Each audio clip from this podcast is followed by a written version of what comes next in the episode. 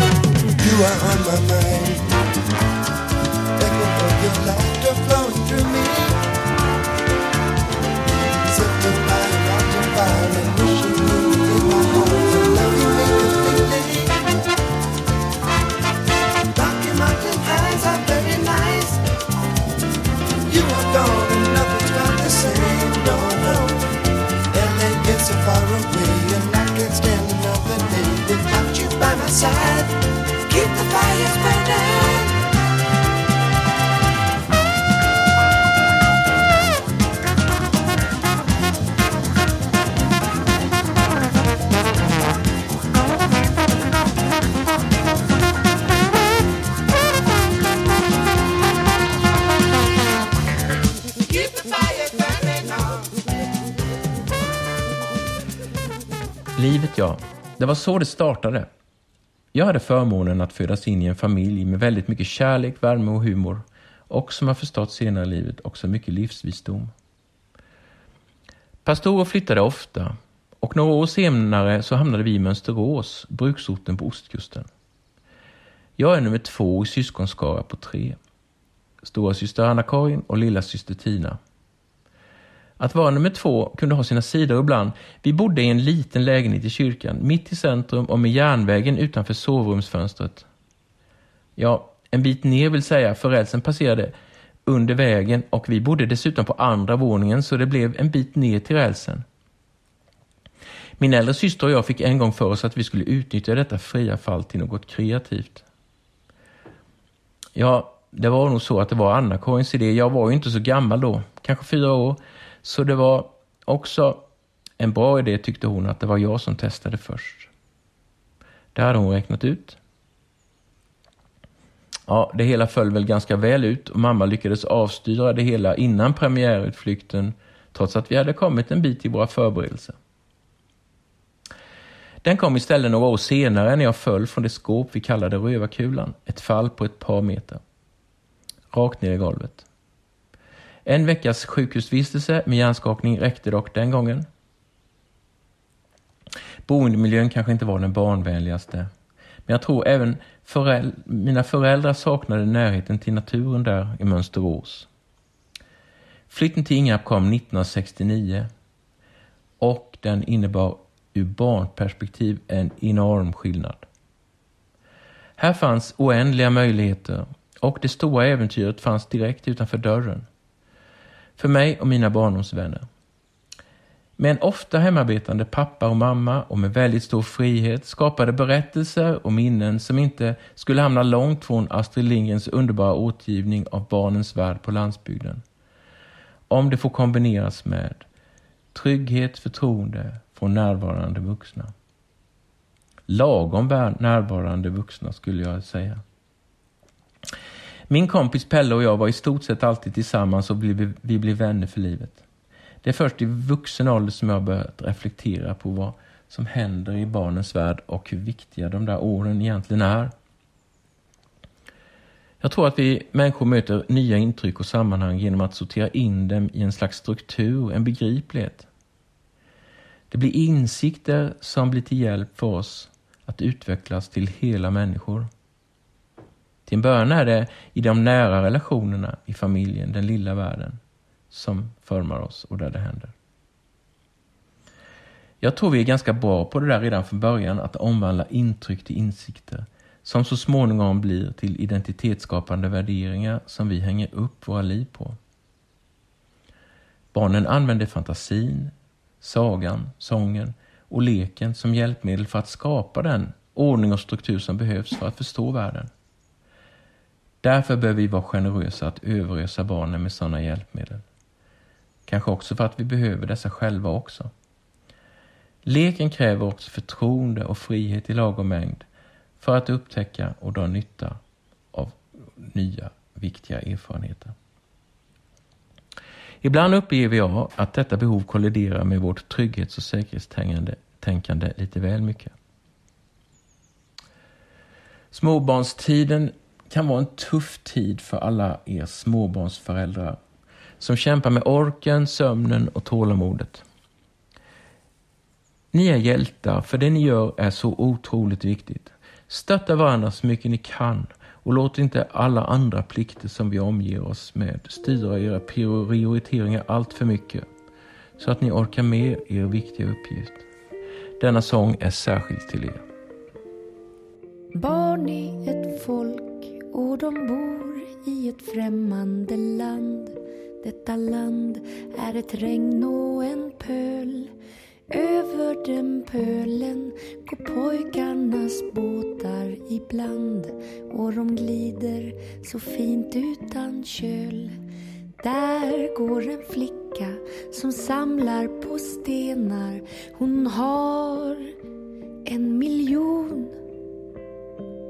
Kungen av träd sitter stilla bland grenar i träd, kungens tron. Där går en pojke som skrattar åt snö.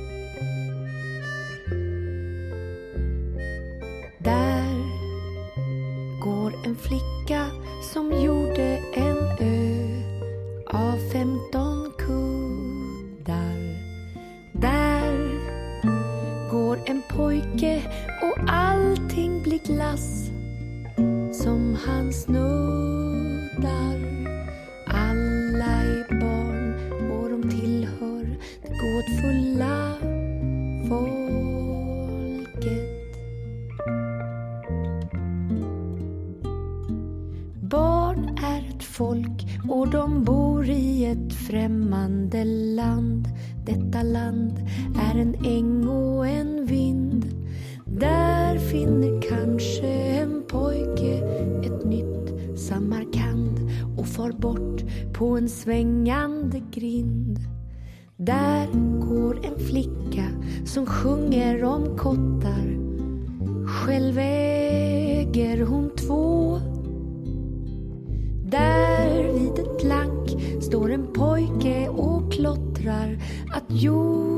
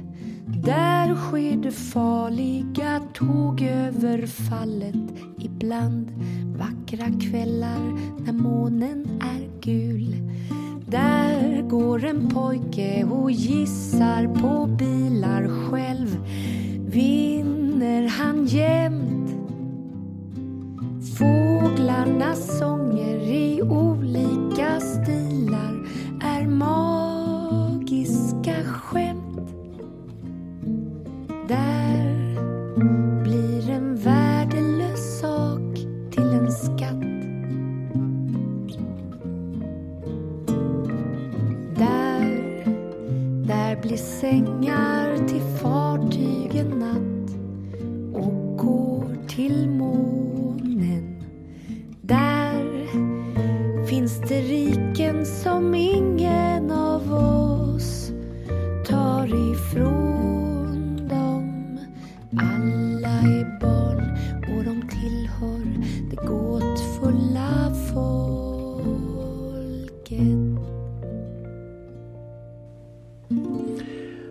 förvandla intryck till värderingsskapande insikter hör dock inte bara barndomen till. Det pågår hela livet. Och precis som när vi är barn behöver vi varandra till detta i någon form av dialog. Tidigt i människans historia var det i mörkret runt elden, med berättelserna och sångerna, som detta skedde. Individuella intryck blev till kollektiva insikter och erfarenheter. Sådana stunder av moderna lägereldar är lika viktiga idag. Där man tar sig tid och där man lyssnar på varandra. Det goda samtalet, den goda boken eller bokcirkeln, lågmälda samtal innan man somnar på kvällen. Eller samtalen i bilen när man har lite mer tid och när inget annat stör. Där förvandlas intryck och lösryckta tankar till insikter och livserfarenheter där vi utvecklas som människor. Min mamma Minnie introducerade mig i poesins värld. Själv skrev hon hela sitt liv sina livsbejakande dikter för att på det sättet sätta ord på sina insikter om livet. Dessa dikter har följt med oss i vår familj och gjort hennes goda råd närvarande även nu efter hennes bortgång. En av mina favoriter heter Lyckliga, glada, älskade. Det är livsråd till oss alla om att inte missa storheten i det enkla, det nära. Denna dikt sammanfattar också hur jag upplever hennes förhållningssätt till oss barn. För henne var barnets öppenhet för livet något centralt. Därför blev vi barn, ja, alla barn faktiskt, alltid sedda på ett speciellt sätt. Inte bara med kärlek utan också med förtroende, respekt och med en känsla av att bli tagna på allvar. Lek mina lyckliga barn. Lek bland mossa och stenar. Skratta mot himmel och sol och vind. Klättra mot trädens grenar. Lek mina lyckliga barn. Sjung mina glada barn en sång till skaparens ära. En sång som ger frihet, rymd och ljus och skingrar mörker och tårar. Sjung mina glada barn. Lev mina älskade barn. Gläds åt er stund på jorden. Gläds åt blommor och träd och gräs. Gläds åt gemenskapens sången. Lev mina älskade barn. En gång när jag var 11 år visade mig mamma en text som var publicerad på insändarsidan i lokaltidningen Smålandstidningen. Det var en kort text eller dikt som var rubricerad 11-åringen. Detta tycker jag du ska läsa, sa hon. Det gjorde jag och jag kommer ihåg att orden fångade mig eftersom jag kände igen mig så mycket. Texten handlade om hur det kan kännas att mötas av en vuxenvärld som inte tror att man förstår, man är ju bara ett barn. Jag kände ofta en längtan att få vara med i samtal och sammanhang där man ofta exkluderade barn. Man kanske utgick, att de inte, utgick från att de inte förstod eller att de saknade intresse. Men frågorna fanns lika brännande i mig och behoven att dryfta dem med andra människor var lika stora. Det var svårt att sätta ord på och inget man uttryckte, men när jag läste förstod jag att det kanske var vanligt att barn i mellanåldern kunde känna så. En insikt föddes i mig den gången som 11-åring. Underskatta inte barn när du blir vuxen en gång. Våga inkludera en 11-åring i de stora frågorna om livet. Sannolikheten är stor att det barnet längtar efter det samtalet och ett klimat där man vågar ifrågasätta och vända och vrida på saker.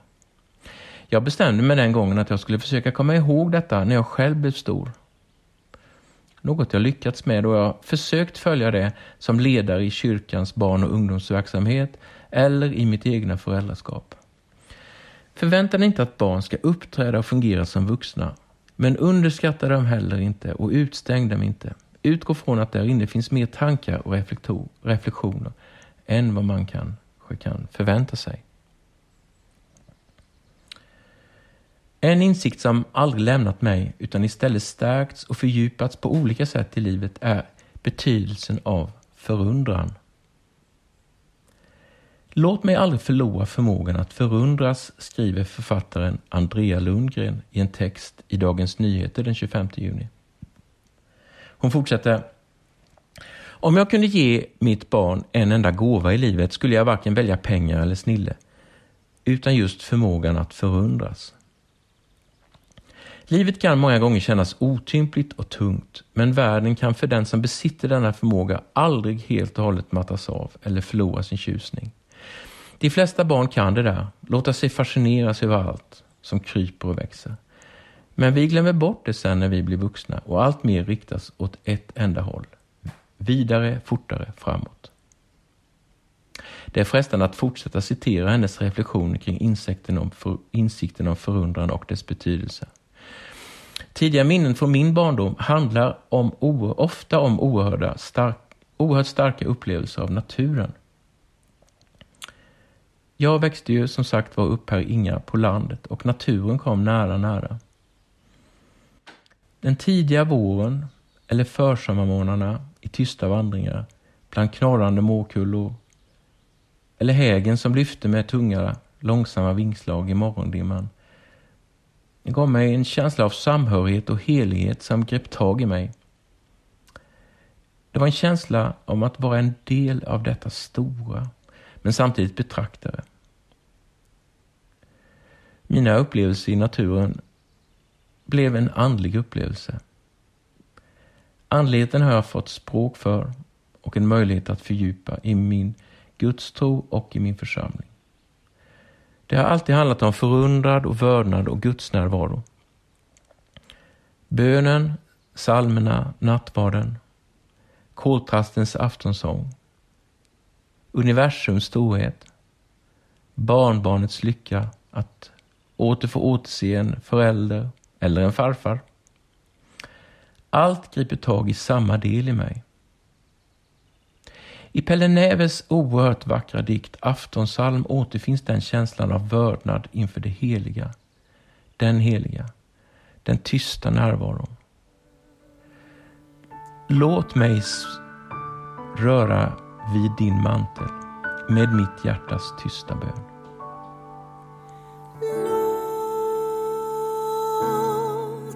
space.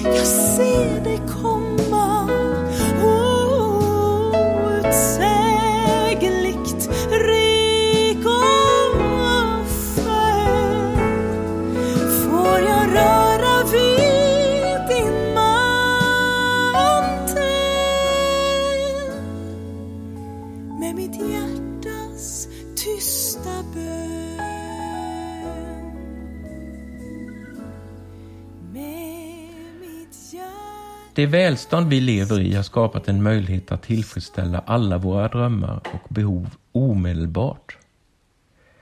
Ord som att avstå och väntan är omoderna och drunknar lätt i mer moderna ord som självförverkligande. Individualismen har slagit igenom på många plan, inte bara på individnivå. Samarbete, altruism och kollektiva lösningar försvagas i rask takt när världen behöver samarbete som allra mest. Det behövs motkrafter här. Nu när jag har semester tänker jag ganska mycket på mina kollegor. Jag jobbar som socialchef i Vetlanda kommun och i mitt arbete så ser jag så mycket av osjälviskt engagemang. De tider vi lever i nu har skapat svårare arbetsförhållanden men det finns så mycket solidaritet och samarbetsanda där man tänker på varandra och ställer upp för varandra. Viktiga motkrafter. Vi har också många berättelser från sjukvård och omsorg. Om människor som lägger ner det lilla extra för att skapa en värdighet trots svåra arbetsförhållanden. Viktiga motkrafter. Tänk också på hela den ideella sektorn som också har det svårt i den här tiden. Så många människor som engagerar sig som fotbollstränare, körledare, scoutledare, biståndsarbetare, arbete med flyktingar med mera. Listan kan göras lång. Alla kämpar vi på olika sätt i en svår tid. I denna tid finns så många som lider, men det finns också så väldigt många hjältar. Ur intrycken från denna hemska coronatid växer en annan insikt fram. Vi behöver varann.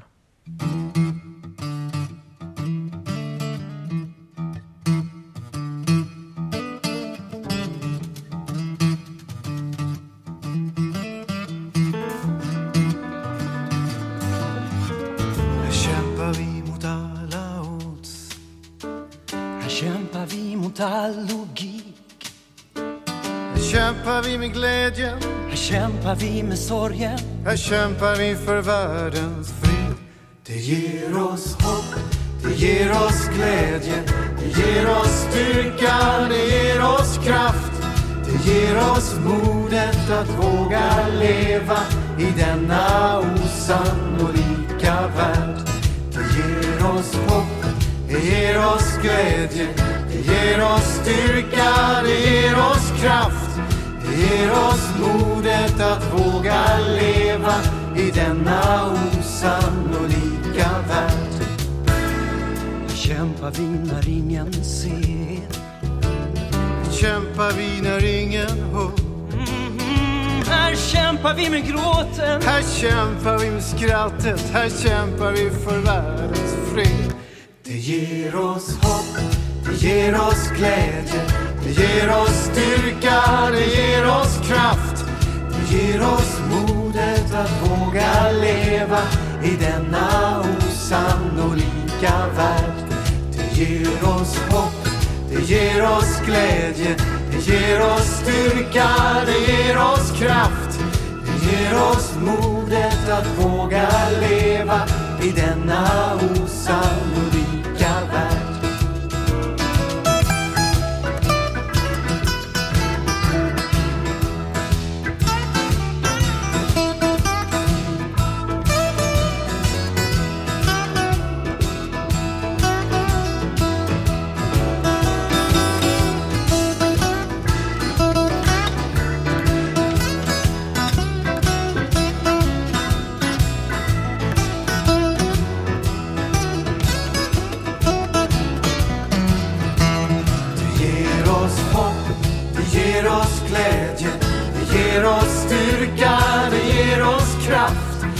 ger oss modet att våga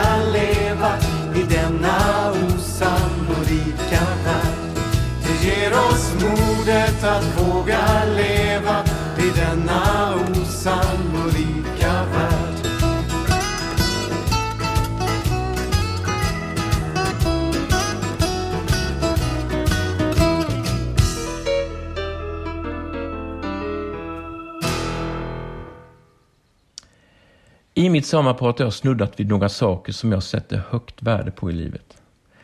Jag har hittills inte nämnt det viktigaste. Min livskamrat Ulla, som jag har delat allt med i snart 40 år, och våra tre gemensamma barn som vi har fått förmånen att följa genom barndomen, era viktiga livsbeslut och där ni nu på olika sätt, i olika sammanhang, gör skillnad. Dessutom har vi begåvats med två fantastiska barnbarn och ett tredje på väg. Och när jag tänker på allt det här så känner jag återigen den här vördnaden och tacksamheten inför det stora heliga som för mig har blivit den stora och den heliga. Tack för att ni lyssnat. Jag önskar er alla en riktigt härlig sommar.